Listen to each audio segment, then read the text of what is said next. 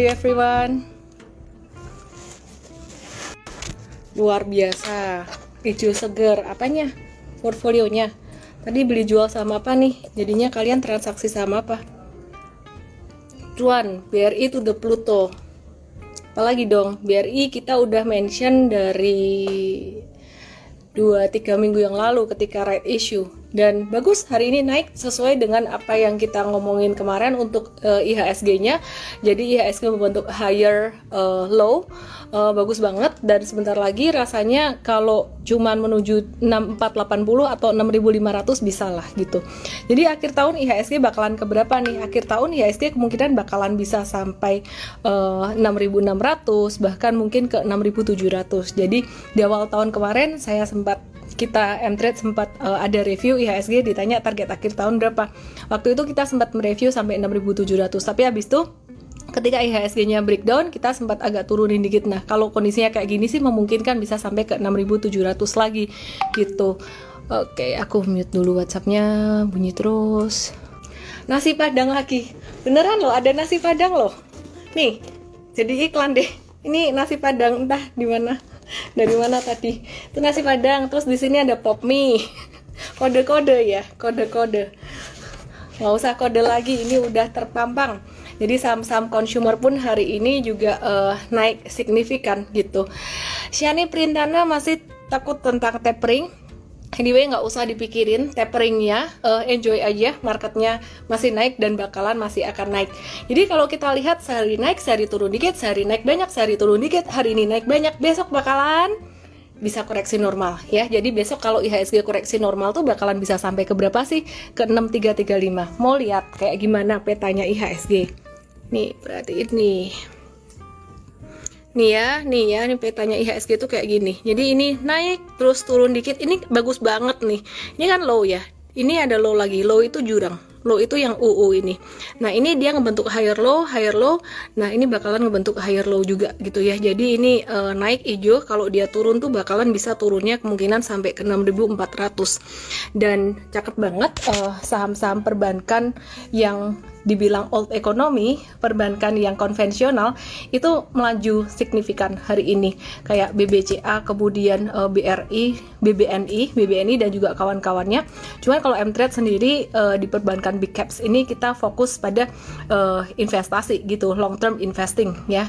Meskipun uh, tadi Mtrade juga ada ngambil BRI buat trading tapi kita selalu remind buat investing. Dan kalau teman-teman ingat BBNI itu kita udah ada bedah emiten BBNI dari bulan lalu dari Agustus lalu. Dan kita juga ada live dengan BBNI kita ada live dengan BCA kita bahkan juga live dengan BRI ya jadi sebenarnya entry-nya tuh harusnya tuh last month waktu kita juga ada adain event dengan mereka gitu.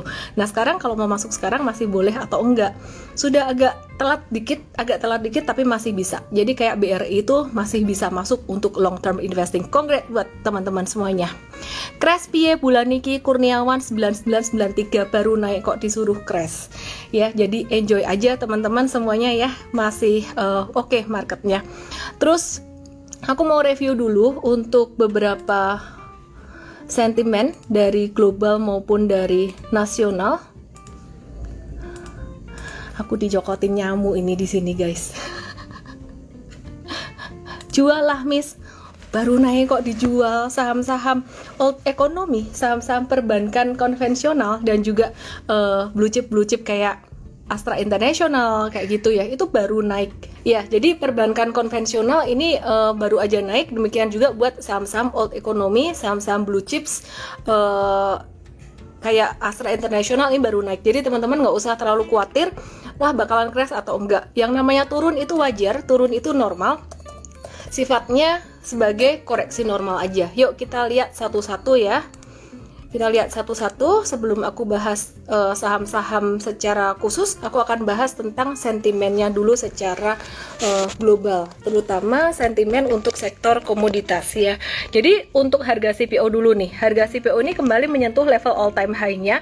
Uh, ini ditutup di angka 4.835 ringgit per ton gitu. Jadi kenaikan itu tuh dikarenakan adanya peningkatan kebutuhan minyak nabati global dari reopening ekonomi uh, karena COVID-19 juga udah mulai teratasi ya sorry ya teman-teman ya agak gerak-gerak ini tripod aku keselip tadi hmm. oke okay. Ya, karena reopening ekonomi, permintaan uh, untuk CPO ini juga naik. Terlebih ada krisis energi di China dan di seluruh dunia sebenarnya bukan cuma di China aja. Ini juga menghentikan uh, China itu dia juga menghentikan produksi soybean oil termasuk uh, ya soybean oil ini dia merupakan produk substitusi dari CPO gitu. Jadi permintaan buat bulan Oktober ini masih diperkirakan akan naik. Jadi saham CPO masih akan ngehits. Uh, teman-teman uh, watch aja ya saham CPO. Kalau misalkan ada koreksi itu koreksi sifatnya normal aja ya. Jadi teman-teman enjoy aja gitu. Pastinya kalau jangka pendek tetap ada profit taking dong ya buat swing trading. Kayak LSIP itu udah mulai agak-agak ketinggian jangan masuk di atas. Nanti kalau misalkan ada koreksi normal bisa agak nyangkut di pucuk gitu. Contohnya kayak uh, Harum Indi itu juga udah mulai ada normal correction. Ya itu dari CPO teman-teman. Nanti aku akan bahas saham-saham CPO-nya terus kalau dari coal gimana? Ini judulnya sih masih komoditas ya. Jadi komoditas coal dan CPO ini masih hot banget. Krisis energi ini masih terus berlangsung dan paling ada naik turun naik turun gitu. Nah terus uh, kalau kita perhatikan dari coal sendiri dari dalam negeri, Kementerian Energi dan Sumber Daya Mineral atau SDM ini sudah memutuskan untuk menetapkan harga acuan batubara Indonesia atau uh, eh, HBA itu di angka 161,63 per ton gitu. Artinya ini naik 7,7% dari September kemarin gitu. Nah, kenaikan itu juga disebabkan uh, ketidakmampuan pasokan batubara untuk memenuhi meningkatnya permintaan uh, bahan bakar energi di berbagai negara seperti China, Jepang, Korea dan Eropa. Jadi intinya sih harganya masih bakalan naik dan banyak negara masuk ke musim dingin jadi bakalan bagus gitu. Oke, okay, jadi teman-teman kalau ada koreksi sih nggak usah takut. Kayak harum, uh, harum tuh sayangnya dia ada nikel ya. Kalau nikel ini agak-agak sentimen negatif, permintaan nikel agak berkurang karena uh, pabrik stainless steel di China itu mereka nggak bisa uh, maksimal beroperasi kan mereka butuh bahan bakar batu bara. Nah, kekurangan batu bara, batu baranya untuk kebutuhan primer uh, manusia dulu sehari-hari. Jadi produksi produksi stainless steelnya agak berkurang, permintaan nikel agak berkurang. Tapi harum dia punya batu bara. Jadi uh, kalau aku perhatikan sih di level-level sekarang ini menarik untuk buy on weakness gitu. Oke, terus uh, nanti aku akan bahas saham-sahamnya secara khusus pastinya. Tapi teman-teman akan kita bahas lebih lengkap tuh di morning briefing besok jam 8.15. Buat kamu-kamu yang belum bergabung dengan Mtrade, langsung aja gabung di Mtrade dengan cara klik link di bio saya atau ke mtrade.id. Oke? Nah, sekarang bicara tentang uh, ekspor non migas gimana nih ya? Kalau tadi udah bicara tentang komoditi, sekarang kita akan bicara tentang ekspor non migas. Nah, Tren ekspor non-migas Indonesia ke 14 negara anggota The Regional Comprehensive Economic Partnership ini tumbuh dalam lima tahun terakhir dan diperkirakan dalam lima tahun ke depan ekspor Indonesia ke negara-negara tersebut itu masih bisa naik gitu ya jadi masih bisa naik terus um, anyway itu akan bagus buat Indonesia apalagi COVID-19 udah semakin membaik Besok kita menunggu data rilis cadangan devisa negara pada September 2021. Halo Robert, how are you? Halo Julio, Stockpreneur ID bye bye cool enggak kok, coolnya masih koreksi normal aja. Hari ini saham-saham perbankan naik, terutama bank digital itu uh, juga naik ya. Jadi gantian lah kalau jangka pendek itu, kalau jangka pendek teman-teman perhatikan hari ini kayak saham-saham seperti BRIS, kemudian BRIS hari ini naik, terus kemudian Agro, Arto uh, udah mulai kena disupport dan sepertinya akan mantul. Terus kemudian uh, perbankan yang gede-gede BCA, BRI, uh, BNI itu naik semua uh, itu pertanda bagus BNGA juga menarik ya. Jadi BNGA ini menarik buat trader. Kalau mungkin yang kelewat di BBTN udah telat di BBTN mungkin bisa lirik BNGA gitu. Arto nggak ikut naik? Belum ya. Tapi dia di area support menarik banget gitu. Akhirnya tripod aku ketemu dan aku pasang dulu. Pakai tripod nggak ya BNI udah kejual Miss. BLX 0492 BNI BCA BRI lebih ke investing. Jangan dijual-jual dulu. Kalau udah terlanjur dijual ya udah pilih yang lain aja atau tunggu koreksi normal. Cikawas beli di mana? Buat. Spesial buat tim kita sih. Banking banyak diresis hati-hati jangan masuk jangan hakak W Octavianus tergantung sih bankingnya banking apa dulu. Kalau kayak BNGA itu baru aja mulai baru mulai jalan. Kalau jangka pendek ya pasti ada normal correction tapi jangka menengah rally-nya masih panjang. Jangka menengah bahkan sampai Desember sampai Januari nanti bahkan sampai tahun depan itu masih berpotensi untuk terus naik. Tapi tetap ada zigzag ya nggak terus-terusan gini naiknya. Uh, demikian pula dengan coal. Oke okay, aku akan review beberapa saham. Coal mulai turun ya miss normal lah masa naik masa naik terus Amrik ancur. Uh, pertanyaan dari Chandrawu normal normal itu harus ada koreksi. Kalau nggak ada koreksi nggak ada uh, konsolidasi justru masuk di atas tuh bahaya banget gitu. Makanya kemarin Mtrade banyak banget jualan ya. Kemarin tuh jualan banyak banget. Dan uh, ya transaksinya sekarang lumayan cepat juga. Hari ini ada beli beberapa saham perbankan juga gitu. Oke aku akan review perbankan yang pertama pastinya dari BCA Aku review perbankan, pastinya dari BCA. Teman-teman coba dilihat di sini. Nih ya, BCA kalau teman-teman perhatikan ini very beautiful pattern kayak yang kalau ngikutin uh, Instagram live aku ngikutin rutin teman-teman ingat nggak uh, di Mtrade morning briefing coach-coach juga pernah ngomong ini bentuknya kan pattern double bottom ya W-nya cakep banget terus di sini ada flag juga gitu. Jadi double bottomnya cakep banget. Ini kita sempat waktu itu bilang oh kalau breakout dari double bottomnya dia bakalan berpotensi menuju ke oke kita lihat ya proyeksi target double bottomnya atau resisten double bottomnya ada di level sekitaran 36 sampai 37 ribuan dan sudah hampir tercapai. Hari ini udah naik sampai ke 35900. Sebentar lagi kecapai 36700 dan akan menjadi resisten yang cukup kuat ya. Jadi kalau teman-teman yang mau beli sih tunggu memang benar tunggu koreksi normal dikit dulu, tapi ini arahnya masih akan terus naik. Bisa nggak dia breakout 36750? Rasanya sih bisa banget ya. Ini uh, gampang banget gitu di breakout. Terus kemudian selain itu kita akan lihat untuk saham perbankan digital yang lainnya yaitu BBRI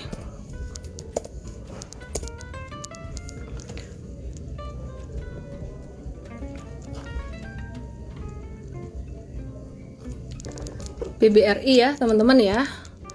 Ini BBRI kita udah mention dari uh, sekitaran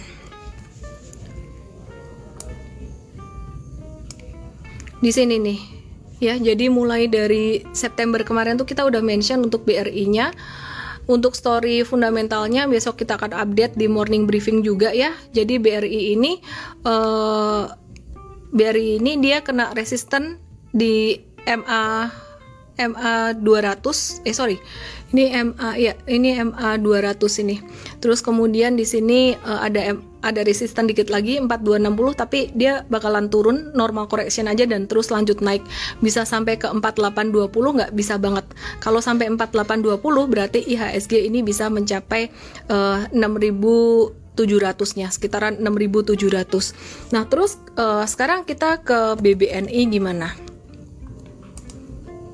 Oke, aku pasang tripod dulu supaya nggak getar-getar. Tangannya getar-getar. Oh ya disclaimer lupa Nasrullah Aldiawan thank you ya udah diingetin ya Instagram live malam hari ini sifatnya edukasi dan uh, ada resiko dalam investasi saham dan kripto kita melakukan analisis fundamental dan teknikal tapi tetap harus uh, kita waspadai dengan uh, pastinya ada fluktuasi gitu. Oke, sekarang kita mau lihat untuk deh deket banget sama muka aku, gede banget ya. kita lihat BBNI nih kita lihat BBNI ya. BBNI ini uh, dia udah breakout. Breakoutnya cakep banget. Dia breakout dari banyak resisten sekaligus. Kemarin tiga hari yang lalu dia breakout dari downtrend lainnya. Terus hari ini dia breakout dari MA eh kemarin breakout dari MA 200 nya dan hari ini hari ini untuk BBRI ini BBNI ini dia lagi nguji resisten banyak resisten sebenarnya ya. Kalau saham abis dari downtrend tuh dia banyak nguji resisten.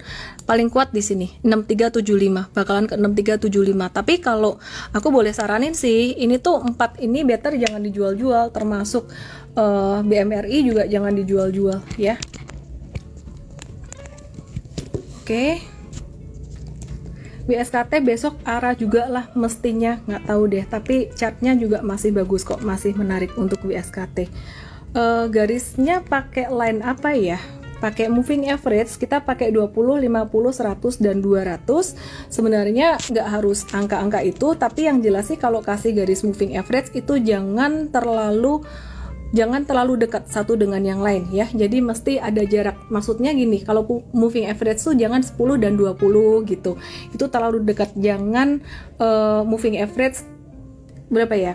45 dan 50 itu terlalu dekat tuh kurang bagus. Oke, terus banyak yang nanyain juga untuk saham-saham consumer good ya tadi di awal ya banyak yang nanyain saham-saham consumer good itu gimana. Aku akan review untuk saham ICBP, kemudian HMSP, uh, eh, Indofood dan juga GGRM. Oke, coba. Ya, ini teman-teman perhatikan untuk ICBP sendiri, ini lebih ke investing, lebih ke investing, valuasinya masih murah dibandingkan dengan beberapa tahun yang lalu, uh, sangat murah sekali dengan PI bandnya dia di bawah rata-rata, masih di bawah rata-rata dalam lima tahun kemarin. Nah, untuk ICBP ini uh, dia lagi nguji resisten 9000. Sebenarnya ini lebih cocok ke investing ya. Jadi kalau punya ini beli di bawah sih, beli di bawah 9000 ya hold aja jangan dijual-jual dulu. Terus para nyangkuters di ICBP, Indofood dan HMSP tenang aja guys. Ya, tenang aja tahun 2022 reopening ekonomi bakalan balik juga, bakalan pulih juga gitu. Terus um,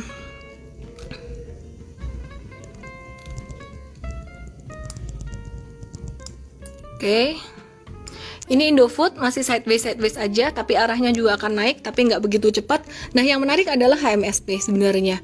HMSP ini um, meskipun secara fundamental ada tantangan dari kenaikan cukai rokok di tahun 2022 yang nggak tahu jadi naik atau enggak ini pattern double bottomnya tuh strong banget ya jadi dalam jangka pendek kalau sampai ke 1160 bisa gitu terus um, di GRM gimana di GRM juga sama, dia membentuk pattern double bottom. Dia bentuk pattern double bottom kayak gini ya, dia lagi uji resisten 33800 gitu. Oke, terus nih pada nanya nih, banyak yang nanya tentang saham-saham blue chip. Ntar aku scroll dulu, tadi ada pertanyaan bagus. Sneakers Adik Medan kalau nggak dijual untuk saham blue chip udah pasti average up. Apakah nggak masalah? Soalnya harganya malah pasti makin tinggi. Nggak harus average up juga gitu. Jadi kalau untuk saham blue chip mah hold hold aja.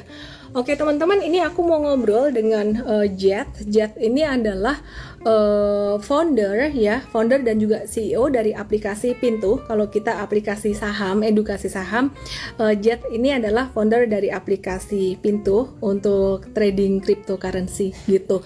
Dan jangan lupa teman-teman nanti abis ngobrol dengan Jet, aku akan masih lanjutkan ngobrol tentang saham-saham banyak yang belum aku bahas. Gimana kabarnya konstruksi, gimana kabarnya bank-bank digital, gimana bank uh, daerah dan kemudian juga saham-saham CPO itu kabarnya gimana gitu. Jadi aku akan ngobrol dengan Jet dulu. Stay here teman-teman, kita akan belajar tentang gimana caranya trading uh, cryptocurrency juga. Ntar ya, mana ya Jet ya? Pintu ke mana aja? Pintu ID yang lagi nge-hype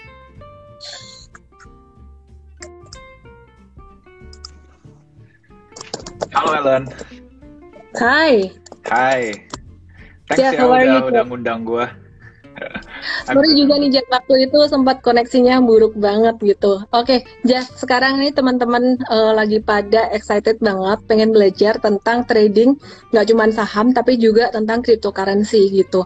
Jadi sebenarnya kita penasaran nih, uh, Pintu ini bedanya apa sih dengan aplikasi kripto yang lainnya? Terus kenapa dinamain Pintu? Terus nama perusahaannya kayak lucu juga, PT Pintu ke mana aja? gitu ya?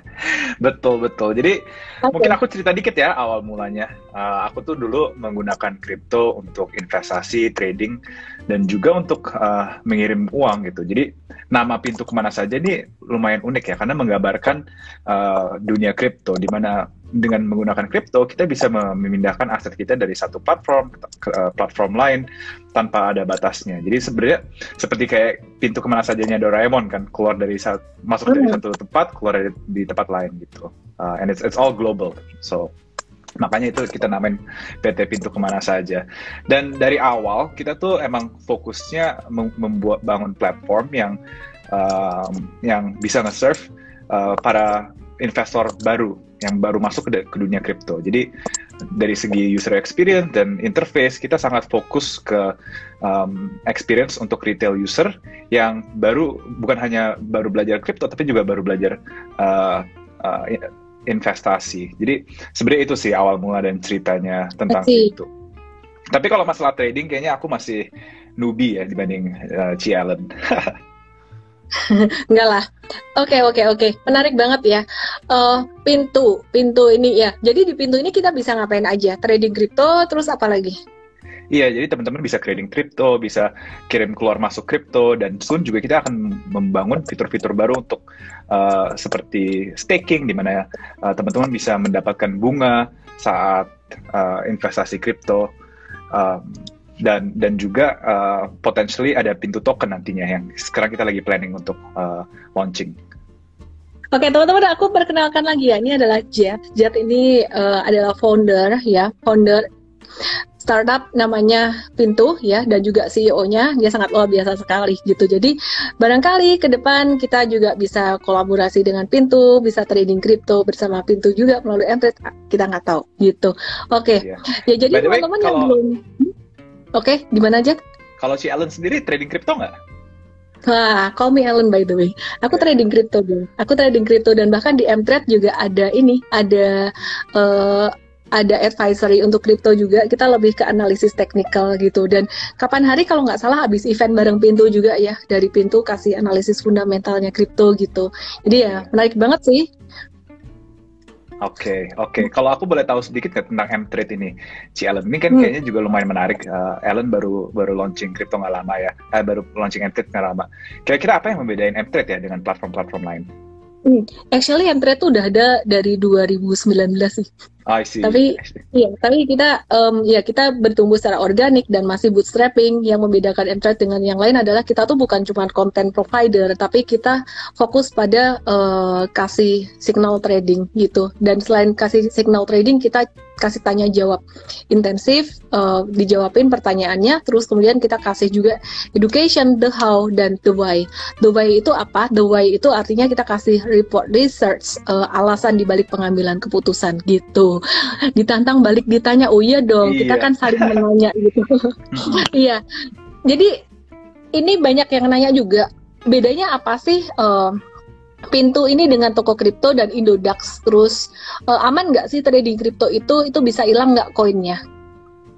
Oke, jadi kalau dibandingkan uh, Indodax dan toko kripto ya, mungkin mereka lebih fokus terhadap uh, Uh, user-user uh, yang pro trader yang yang sangat antusias terhadap uh, daily trading dan dan hmm. uh, menggunakan fitur-fitur yang uh, lebih uh, advance ya. Kalau kita di Pitu tuh kita mencoba membuat uh, experience untuk trading sangat simple dan mudah digunakan untuk user-user uh, baru. Jadi itu mungkin sesuatu yang sangat membedakan platform kita dengan uh, platform mereka.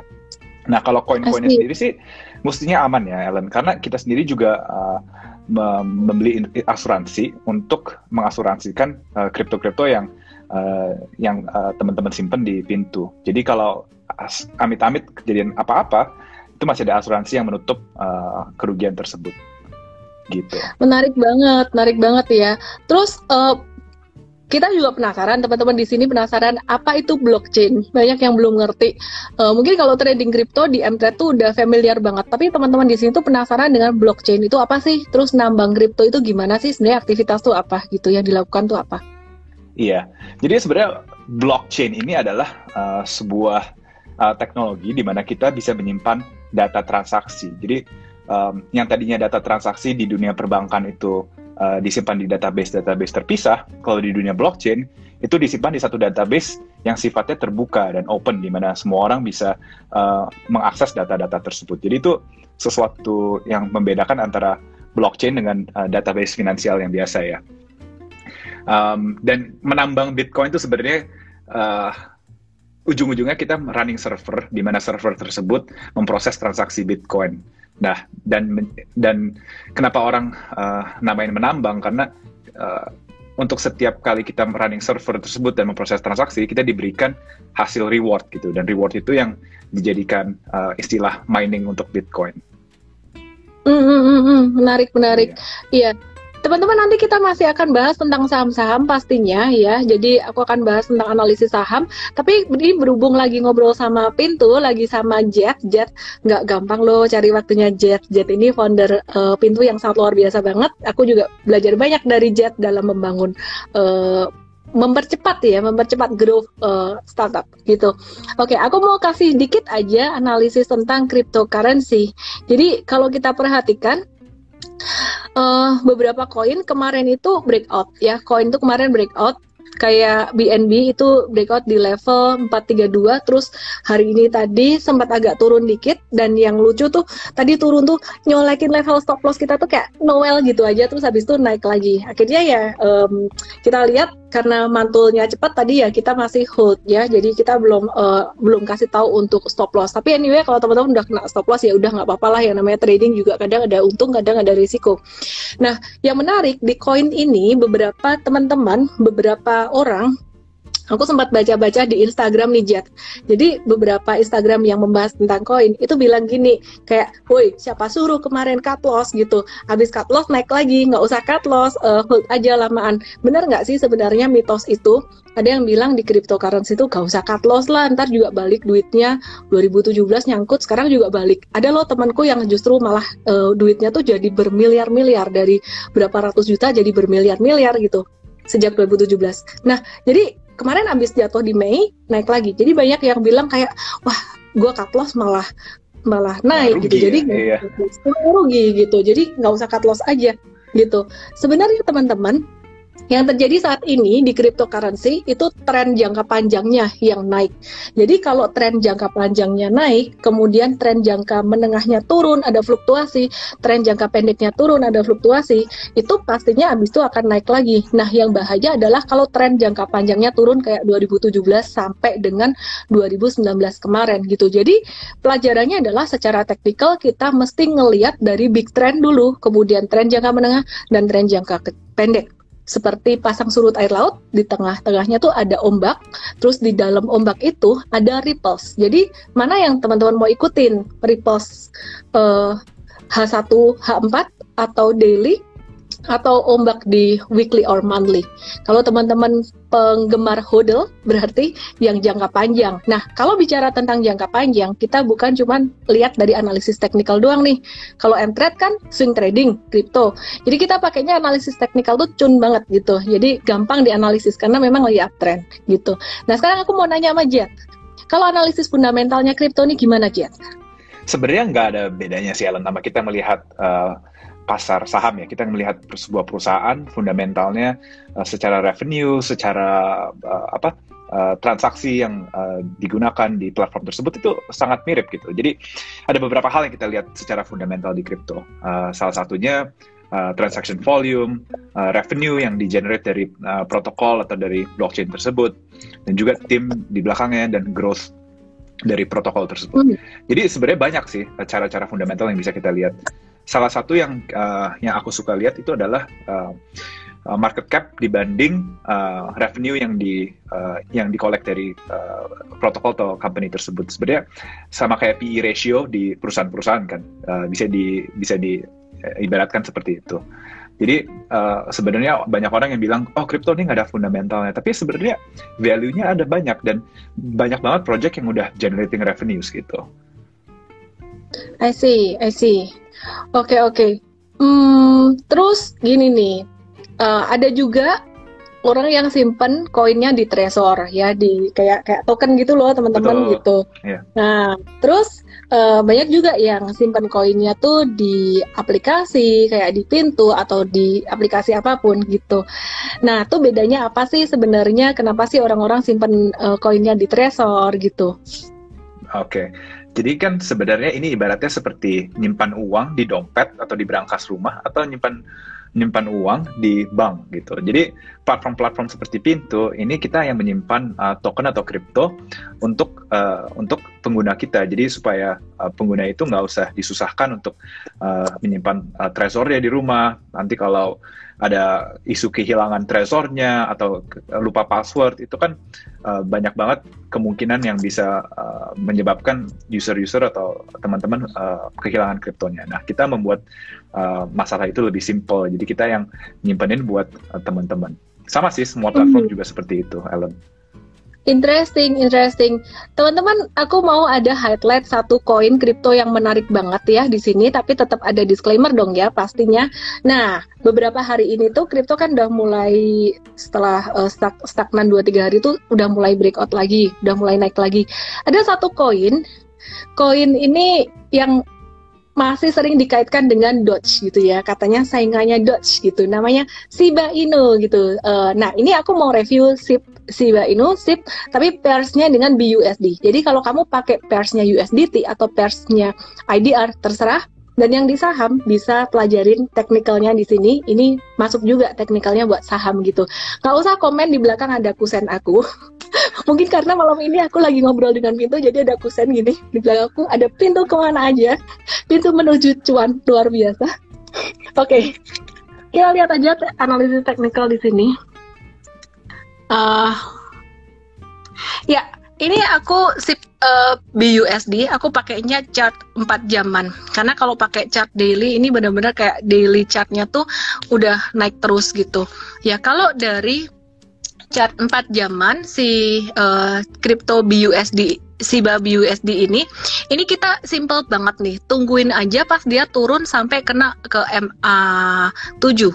MA7. Kenapa aku pakai MA7? Karena salah satu exchange terbesar di dunia dia tuh pakai template MA7 uh, 25 dan MA berapa ya? 99 gitu. Jadi sering kali itu banyak dipakai oleh banyak trader makanya jadi jadi jadi cocok gitu banyak yang nungguin di sini. Nah ini perhatiin. Jadi kalau mau beli sih nanti gampang tungguin aja di sini dan Mtrade juga lagi watch ini gitu. Jadi uh, nanti kalau sampai kena ke ke sini kita juga akan kasih tahu teman-teman yang ada di Mtrade VIP ya jadi supaya nggak kelewatan gitu Oke, okay, add alert, create, and then uh, kalau dari dailynya gimana nih? Kalau dari daily, kalau misalkan teman-teman mau yang lebih low risk lagi, mau diskonnya diskonnya yang lebih murah lagi, kita nungguinnya di level ini nih. Uh, wah ini nol nolnya banyak ya, bisa kelihatan nggak? 0,00001 18 18 di sini jadi 18 di sini kalau BUSD. Nah, kalau untuk yang uh, eh, IDR atau USDT ya silahkan dipasang sendirilah uh, Fibonacci retracementnya gitu. Jadi aku pakai Fibonacci retracementnya aku pasin di di H4 terus aku cari dia di mana nih jatuhnya di sini 018. Jadi itu akan lebih uh, low risk gitu. Anyway ya itu kira-kira teman-teman apa yang kita bisa watch. Ini ada pertanyaan. Uh, Simin Wilson, Miss boleh tahu alasan trading di kripto? Apakah kita tidak perlu melihat fundamental kripto tersebut? Karena tidak ada jaminan dibanding dengan saham yang kita bisa lihat usahanya jelas. Nah ini kalau bicara tentang usaha, tentang fundamental itu bicara tentang jangka panjang atau investing. Sebenarnya kalau aku pribadi investing di kripto, jujur sih aku pribadi masih belum terlalu uh, mantep gitu loh. Karena memang dasar aku di saham. Tapi ketika aku ngobrol dengan teman-teman yang jago kripto kayak Jet gini, uh, mereka bilang semuanya tuh bullish gitu. Nah nanti kita tanya aja Jet, kenapa sih kripto tuh bullish dalam beberapa tahun ke depan? Anyway aku mau jawab dulu pertanyaan dari Simin Wilson. Anyway, kamu dapat MT 7 hari langsung aja ketik EMT 7 nama email WhatsApp. Uh, kalau aku di kripto ini cuma trading. Tradingnya swing trading dan trading trend following atau jangka menengah super trader. Jadi ya nggak masalah. Anyway, uh, pakai technical doang nggak masalah gitu. Oke, okay, silakan Jet. Kenapa Ellen, aku... bisa di Aku boleh nanya nggak sebenarnya? Pengen tahu. Boleh. Ellen kan udah pernah trading kripto uh, dan trading saham juga. Kira-kira untuk psikologi dan uh, perbedaan antara uh, trading saham dan risiko uh, dan kripto uh, tuh kira-kira kayak gimana ya, Ellen? Bedanya gini sih, kripto ini nggak ada batasan auto reject atas atau auto reject bawah. Kalau saham kan dibatasin naiknya, turunnya tuh dibatasin masih ada intervensi dari IDX hmm. gitu. Nah, saham luar sebenarnya nggak ada. Masalahnya kripto ini nggak dibatasin. Jadi ketika kripto ini jatuh uh, di bulan Mei sampai sehari sebelum ulang tahunku aku inget banget jatuh 50% bluk gitu. Tau nggak? Itu rasanya aku kayak mati rasa tau nggak? Itu bener-bener remind me kayak tahun 2008 2008 tuh di saham waktu itu juga belum ada auto reject bawah kayaknya. Jadi uh, ingetin aku kayak waktu itu jatuhnya cepet banget gitu. Dan memang to be perfectly honest waktu itu tuh aku pasang di kripto lumayan banyak ya. Abis uh, memang abis cuan di Dodge berapa hari aja tuh bisa dapat 300 400an persen. Jadi kan wow amazing banget kan? Terus uh, iya. taruh lumayan banyak pas jatuh tuh meskipun aku udah lama di saham dikepuk sekali sehari 50% tuh kayak uh apa sih ini? gitu. Terus baru aku taruh dulu HP-nya aku mikir Oh, biasanya kalau technically jatuh dalam, pantulan akan cepat. Jadi ya keluarnya nanti pas nunggu mantul aja kayak gitu. Dan uh, untungnya benar, untungnya benar. Cuman kalau ditanya secara psikologisnya, secara emosinya, di kripto kalau teman-teman nggak siap itu bakalan lebih jantungan karena ya itu tadi sebenarnya nggak ada uh, auto reject bawah batasannya kalau jatuh kan di saham dibatasin kalau naik juga dibatasin nah di kripto teman-teman harus mesti lebih ready ready cuan gede dan ready untuk pembatasan risiko. Ada yang bilang gak usah cut loss ntar juga naik balik lagi. Ya pokoknya kalau asal mentalnya siap dan dompetnya siap, ya terserah mau pakai strategi apa aja. Sebenarnya Ellen gitu. ini kan juga ada berhubungannya dengan manajemen resiko ya. Kayak apakah Benar. itu diversification, apakah itu kita strict dengan uh, naruh stop loss atau uh, banyak lah. Uh, kira-kira kalau yang Ellen bisa terapkan di crypto tuh kayak gimana untuk resiko manajemennya? Sama kayak di saham, aku di kripto ketika kita kasih advice buat our user, ini pertanyaan yang bagus banget ya. Orang pinter nanyanya juga bagus nih. Jadi, tapi nanti pertanyaanku juga ya. Ada pertanyaan yeah. tadi yang belum dijawab. Iya.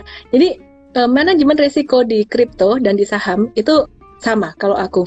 Di saham, aku ajarin uh, userku yang masih pemula itu uh, bagi 10 saham maksimal atau paling sedikit 5 saham, nggak boleh kurang dari 5 saham dan jangan lebih dari 10.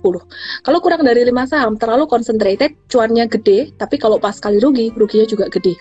Jadi uh, sekali beli itu range-nya 10 sampai 20%. Nah, di kripto karena volatility-nya lebih gede, kita selalu saraninya maksimal 10%. Istilah kata, kalau misalkan beli 10% dari total portfolio untuk satu koin dan ternyata dia boncos dari koin itu 10%, berarti kan dia sebenarnya rugi itu cuma 1% dari total portfolio. Itu kita terapkan juga di saham. Masalahnya gini, bedanya gini. Kalau di saham, saham itu ada berbagai sektor yang kadang geraknya nggak bareng. Contohnya bulan Agustus kemarin digital banking naik cepat, tapi komoditi stagnan. Nah, Terus sekarang komoditi naik cepat, uh, digital banking stagnan. Hari ini digital banking mulai saham-saham perbankan mulai bangun uh, komoditinya koreksi normal. Jadi ada ganti-gantian terus. Tapi kalau di kripto ini aku perhatikan kok enggak ya. Di kripto ini aku perhatikan kalau BTC turun semua ikut turun lebih anjlok lagi gitu. kalau BTC naik, semua ikut naik gitu. Jadi yang anomali itu kadang mungkin kayak cuman satu atau dua aja gitu. Jadi meskipun kita diversify ke banyak koin, jadi ya resikonya tetap tetap ada, tetap gede. Jadi lebih siap, harus lebih siap dengan resiko. Gitu. Jet, sekarang gantian aku nanya nih. Boleh. Uh, banyak pakar kripto bilang bahwa dalam jangka panjang itu kripto tuh bullish. Kenapa tuh? Iya, sebenarnya ini uh, lumayan menarik ya, karena menurut aku secara hmm. pribadi, Ellen, kita going through an innovation cycle, bukan cuma hanya uh, bullish cycle ya. Karena kripto tuh membuka uh, opportunity untuk semua orang di dunia untuk mengakses sebuah uh, financial system yang sifatnya terbuka dan kita masih di saat di mana penetrasi uh, pengguna kripto itu masih sangat sedikit sehingga upside itu sangat besar jadi kalau kita melihat dari sudut pandang itu, Ellen, sebenarnya opportunity hmm. di dunia kripto tuh masih sangat besar banget. Contohnya di Indonesia aja ya, Ellen, uh, penetrasi kripto tuh masih sekitar 2-3% dari penduduk populasi Indonesia. Sedangkan kalau kita lihat di negara-negara maju seperti di US ataupun uh, di Korea atau Jepang, penetrasinya tuh udah menyentuh 20 sampai 30 persen. Sehingga kalau kita lihat dari segi sudut pandang itu aja, kita ini masih bisa growing at least kayak 10x kali, 10 kali lipat dalam uh, beberapa tahun kemudian. Nah, uh, dan ini merupakan fenomena yang sama di banyak uh, uh, negara-negara lain juga.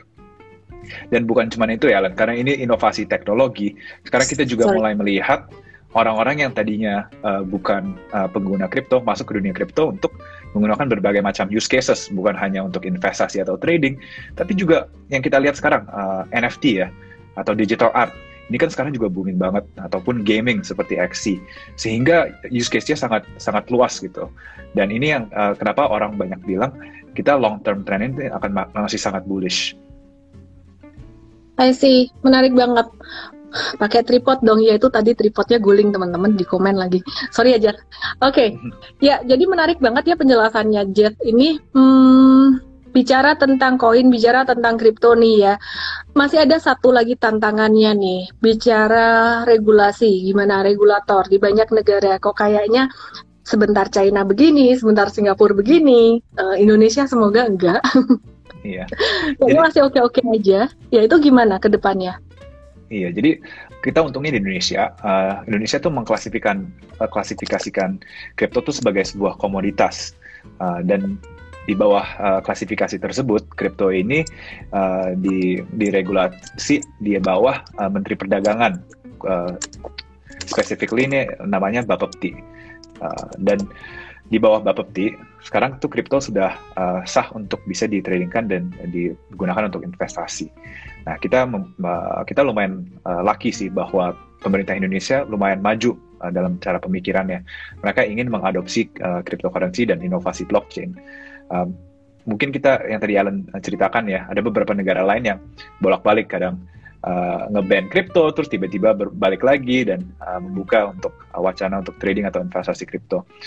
Aku rasa ke depan eventually ini karena teknologinya peer to peer sangat susah sih untuk pemerintah uh, uh, ngerestrik uh, perdagangan kripto. Jadi menurut aku Indonesia ini lumayan forward thinking ya dalam mengadopsikan uh, regulasi untuk kripto. Hmm, Iya iya benar sih, lumayan forward thinking ya. Oke, ini banyak banget yang nanyain kripto bisa buat investasi nggak? Intinya sih gini teman-teman, sebelum berinvestasi pahami dulu instrumennya, jangan ikut-ikutan. Kalau aku personally kripto ini buat trading aja, jadi uh, ya aku aku belum sampai yang long term investing. Jadi setelah kata tren patah, aku jual ya trader ya, gitu. Oke. Pintu koinnya ditambah dong, Mr. Jack. Oke. Okay oke okay, for you. Oke, okay, aku pengen pasti, nanya. Pasti. Kita kita yeah. selalu menambah koin-koin baru kok. Ya gimana Ellen? Yeah. Bikin bikin pintu mau ngap buat apa sih? Bikin pintu sebenarnya kita tuh misinya tuh uh, membuka platform yang sangat mudah untuk retail user investasi dan trading crypto. Karena ini sebenarnya awal mula pintu tuh aku memulai pintu karena aku sendiri frustrasi menggunakan beberapa platform lain yang uh, untuk pengguna baru itu sangat kompleks ya uh, terkadang. Dan aku ingin hmm. membuat suatu platform yang sangat mudah untuk membeli dan menjual kripto. Jadi itu sih awal mulanya uh, uh, pintu Ellen dan misi jangka panjangnya aku tuh ingin membangun uh, pintu sebagai sebuah cryptocurrency bank ya di mana user bisa menyimpan bisa mentradingkan kripto uh, dan juga bisa uh, mendapatkan bunga untuk kripto uh, mereka jadi itu sih visi jangka panjangnya kita Rahel Sinta, pintu menuju kebahagiaan ada nggak Jet? Ya kalau kamu cuan, kamu bahagialah pasti. Anyway, teman-teman, tadi aku udah review teknikalnya untuk uh, ship ya, Shiba Inu, ship uh, BUSD kebetulan. Dan nanti uh, alertnya akan dikasih tahu di Mtrade kalau memang udah waktunya untuk beli. Dan uh, di Mtrade juga ada advisory untuk crypto juga, mostly secara teknikal ya, mostly secara teknikal dan uh, ini hanya untuk bimbingan aja buat teman-teman yang memang tertarik di crypto. Oke. Okay. Uh, itu aja sih yang kira-kira aku mau nanyain tentang uh, koin dan setelah ini aku akan lanjut untuk bahas-bahas saham. Pastinya Jeff ada nggak nih uh, pesan-pesan buat teman-teman semuanya di sini yang mau trading atau mau investasi kripto gitu? Iya. Jadi teman-teman uh, aku sih saranin kalau untuk teman-teman yang baru uh, mencoba kripto, cobalah uh, investasi sedikit-sedikit dulu, nggak usah FOMO, nggak usah uh, terlalu banyak dialokasikan ke, ke, kripto, coba sedikit-sedikit dulu. Nah, uh, pas teman-teman udah mulai nyaman dengan pergerakan harga kripto uh, yang kadang-kala lumayan volatile ya, uh, kalau teman-teman udah mulai nyaman, barulah teman-teman bisa menambahin uh, alokasi terhadap kripto. Dan jangan lupa cobain pintu ya, teman-teman. Uh, Pastinya. download aplikasi Pintu untuk transaksi kripto dan download aplikasi Mtrade buat bisa belajar saham dan cryptocurrency dan pastinya kamu akan dibimbing teman-teman uh, cara beli jual bahkan kita banyak sekali review-reviewnya uh, apa yang bisa dibeli, kapan jualan kita akan kasih tahu juga dan disclaimer semuanya ada risikonya baik saham maupun kripto jadi start small apalagi kripto nggak ada ARB nggak ada ARA. Oke, okay. nah kita akan bahas tentang saham-saham setelah ini. Kita say thanks dulu sama Koko Jeff ini. Thank you Jeff, thank you Krip, uh, thank you Pintu, sukses selalu ya buat Jeff dan Pintu. Amin, sukses juga ya Ellen dengan M-Trade. Thank you so much ya udah ngundang saya. Uh, nanti ketemu lagi ya di lain event ya kita education bareng di Mtrade. Mtrade ada education untuk kripto setiap hari Rabu setengah tujuh dan uh, hari Minggu jam 4 ini untuk our exclusive VIP user dan kita juga akan kasih edukasi bareng pintu terus. Salam profit Jeff. Salam profit. Thank you. Ya, bye bye Jeff. Ya, teman-teman kita akan masih lanjut ya untuk bahas tentang saham-saham dikit lagi karena tadi banyak banget pertanyaan tentang saham yang aku belum bahas. Anyway, um, nasi padang. Dengan nasi padang. Udah makan sih. Um, ya aku mau lanjutin untuk bahas saham. Enaknya bahas saham apa nih teman-teman? Aku scroll down scroll down dulu. Jangan lupa teman-teman uh, kita juga masih buka untuk uh, kita buka terus ya nggak pernah tutup lowongan jadi trader atau coach karena kita nurture terus terus dan terus gitu. Dan juga equity research analyst kalau equity research analyst tuh mesti pengalaman minimal uh, minimal tiga tahun lah di sekuritas. Kalau untuk yang tradernya minimal ya kamu pengalaman jadi trader. Uh, fresh graduate kita terima juga maksimal 26 tahun jurusan akuntansi uh, umur eh, IPK minimal 3,6. Ya, terus ya ini banyak yang nanyain, uh, Rinaldi nanyain Unilever. Unilever gimana? Unilever sih kemungkinan besar dia bakalan bakalan naik juga ya karena aku lihat tiga hari terakhir bahkan pada tanggal 22 September ini dia naik dengan tanda akumulasi yang sangat bagus sekali dan valuasinya udah super discounted banget kalau dibandingkan dengan beberapa tahun yang lalu. Jadi uh, Unilever ini udah mulai trennya tuh tadi ya turun sekarang udah mulai slowing down turunnya alias sudah mulai landai dan udah mulai siap untuk naik. Buat teman-teman yang mau long term investing dengan rentang waktu lebih dari satu tahun cocok banget untuk Unilever ini boleh buy and hold bukan buat trading meskipun kemungkinan untuk dia naik lumayan besar di bulan Oktober dan November ini. Jadi mungkin setelah ICBP, setelah Indofood, setelah HMSP, dan setelah GGRM, uh, Unilever akan naik. Logikanya di mana COVID-19 udah mulai turun, reopening ekonomi, inflasi kemungkinan akan naik, dan dia bisa naikin harga uh, harga harga barangnya gitu. Jadi revenue buat dia juga bisa naik juga. Valuasi sangat murah sehingga menarik perhatian investor besar atau big fund juga gitu. Urban Coffee and Cookies Miss China 2 per 3 persen daerahnya mati lampu. Jadi batu bara lagi high demand. Kalau masuk sekarang masih oke okay, nggak? Sabar. Ya, ada yang namanya normal correction atau normal uh, turun karena trader-trader jangka pendek itu pada profit taking. Contohnya ada Indica Energy ini normal correction uh, dua hari merah, meskipun tadi pagi naik terus kemudian sore ditutup merah lagi. Ini ini kita uh, kita tunggu juga dia ada turun-turun dikit gitu baru kita akan masuk lagi. Kayaknya turunnya nggak akan banyak ya tapi at least kita nggak nyangkut di pucuk lah teman-teman ya. Jadi jangan sampai karena berita-berita berita terus jadi FOMO. Mesti ngelihat teknikalnya juga. Kemudian untuk saham PTBA ini juga sama, merah dua hari berturut-turut, tapi yang lucu merahnya tuh bukan merah jatuh, uh, diawali dengan naik dulu tadi pagi, terus kemudian sorenya turun. Karena opennya di atas, uh, tutup di bawah ya sama aja merah, tapi merahnya sejajar gitu, bukan merah yang turun banget gitu. Jadi kalau aku melihat sih ini aksi profit taking jangka pendek aja, kita akan kasih tahu secara real time di Mtrade uh, kapan bisa waktunya untuk masuk lagi di sini. Ya, jadi kalau untuk jangka menengah, jangka panjang masih oke okay banget. Jadi buat kamu-kamu yang punya modal bawah, modal bawah tuh artinya kamu udah cuan 20% atau lebih, masih bisa banget di hold. Demikian pula dengan sektor CPO. Oil juga. BAPP hmm, Bank Digital eh, ntar dulu deh ya kita lebih storynya sampai ke akhir tahun itu lebih strong ke komoditas kenaikan kenaikan PPN apakah ada pengaruh ke saham consumer ya mungkin ada tapi nggak sekarang lah ya tahun depan uh, sekarang aku mau bahas konstruksi konstruksi itu tadi WSKT mulai ijo-ijo dikit, kemungkinan besok juga akan bisa untuk menguat lagi ya uh, eh, WSKT sampai ke 1160 mungkin dalam jangka pendek. Kemudian untuk saham-saham yang lainnya juga masih potensial terus properti ini juga menarik teman-teman kayak BSDE, ASRI dan properti yang lain-lainnya ini juga uh, quite interesting. Oke. Leonardo satu begas dalam beberapa hari ini kan naik ke apa besok akan turun. Oke, bentar, tak lihat sih ini hari ini udah turun, udah turun dikit. Uh, expecting normal correction sebenarnya sampai 1350 tapi belum tentu bakalan sampai ke situ. Jadi ya jadi ya wait and see aja. Nanti di Mtrade juga akan dikasih tahu kapan boleh buybacknya lagi gitu. Kita masih nunggu koreksi sih. LSIP juga ketinggian. Hati-hati teman-teman, jangan terlalu ngegas saat ini. Kalau kalian beli sekarang mungkin sekitar 25% aja dari alokasi yang harusnya buat beli saham itu. Karena aku sebenarnya udah nggak nyaman. Kayak masuk LSIP di angka sekarang masih bisa naik masih bisa. Tapi chartnya udah agak ketinggian gitu. Jadi butuh normal correction dulu.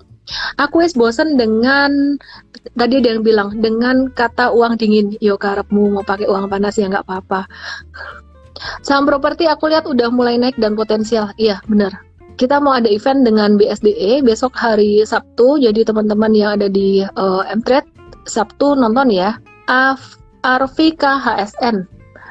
Uh, kamu dapat MTrade 7 hari karena kamu lagi bingung. Langsung aja ketik MT7 nama email WhatsApp. Kalau market naik terus malah bingung gak wajar.